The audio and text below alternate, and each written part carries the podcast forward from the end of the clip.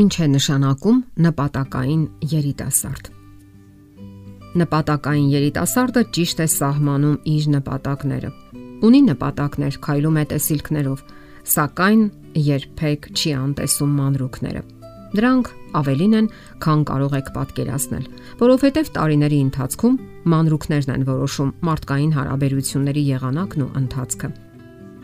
Օրինակ, ընտրություն կատարելու ժամանակ Շատ երիտասարդներ իրենց բնույթով լավատես լինելով մտածում են, որ շատ մանրուքներ իրենք իրենց անհետանալու հատկություն ունեն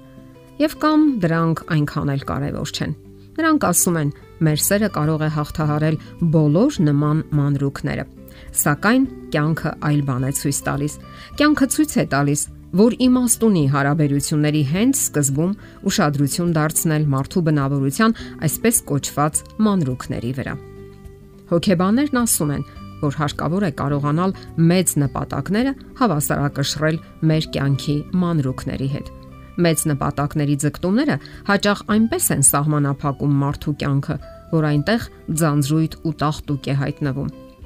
Մշտական սթրեսը, լարված վազվզոցը շեղում են կյանքի հետաքրքրություններից եւ բավականություններից եւ նույնիսկ ֆիզիկական անհարմարություններ ու հետևանքներ ստեղծում մշտապես լարված առաջ նայելով մարդը միշտ զգում է, որ դեռ տեղ չի հասել, որ ինչ որ բան դեռևս անհասանելի է մնացել, որ ինքը դանդաղ է առաջ շարժվում։ Իսկ դա նշանակում է, որ մարդու մոտ միշտ կարող է լինել անհաջողակի հոգեբանությունը։ Այս դեպքում արդեն մեծ նպատակները կարող են նաև ապակողմնորոշել, եթե ճիշտ տեղաբաշխումներ չեք կատարել։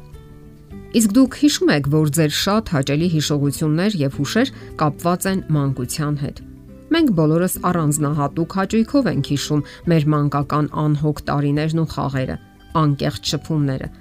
Իսկ երբ խամրում են մեր հուշերը եւ մտնում ենք ամենօրյա լարվածության ռիթմի մեջ, հաճախ կորցնում ենք նաեւ իրականության զգացումը եւ կյանքը իրապես վայելելու հնարավորությունները։ Այդ ընթացքում մենք բարեկամներ ու կապեր ենք կորցնում հարազատ անznավորություններ, մարդկային շատ բնականon փոխհարաբերություններ։ Իսկ դա վնասում է նաև երիտասարդական հարաբերություններին։ Իսկ դուք փորձեք վերհիշելով մանկական ուրախ ու անհոգ տարիները հասկանալ, թե ինչն էր մղում ձեզ այդպես ապրելու։ Ամենից առաջ պետք չէ շտապել որովհետև երբ դուք ինչ որ բան դանդաղ եք անում, դրանով հնարավորություն եք տալիս ձեր ուղեղին արցանագրելու եւ հետևելու ձեր յուրաքանչյուր գործողության, Այդ ձևով ուղեղը հասցնում է հետևել ինչպես ամբողջ ալգորիթմին, այնպես էլ առանձին քայլերի կատարման ճշտությանը, իսկ անհրաժեշտության դեպքում ուղղել եւ ճշտել դրանք։ Այսպես մանրուքները կարևորություն են ստանում։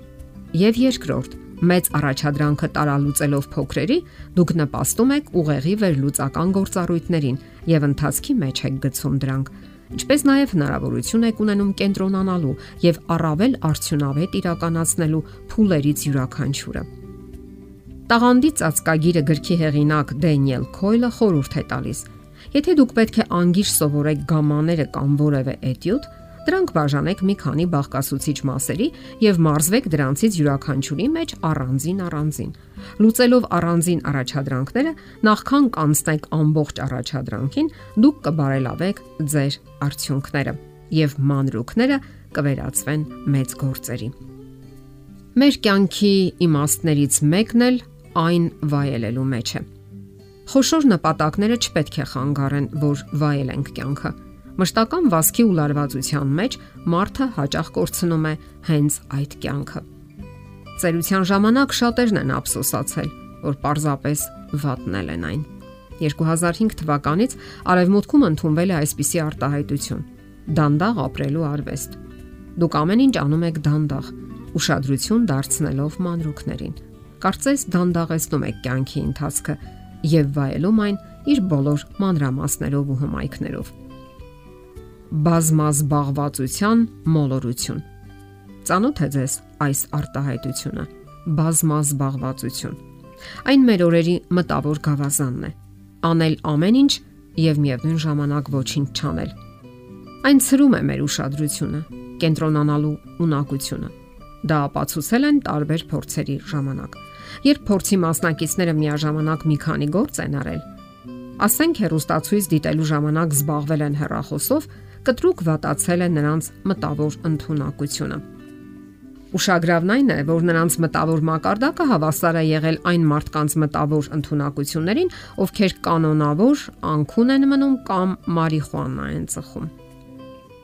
Ստացվում է, որ բազմազբաղվածությունը ոչ թե հմտություն է, այլ ընդհանրապես վատ սովորություն կամ կախվածություն, որից հարկավոր է ազատվել այս շտապողականությունը անընդհատ ինչ որ բանով զբաղված լինելը առաջացնում է նաև մեծ հոգնություն։ Մեծ քանակությամբ էներգիա է գնում մի զբաղմունքից մյուսին անցնելու վրա։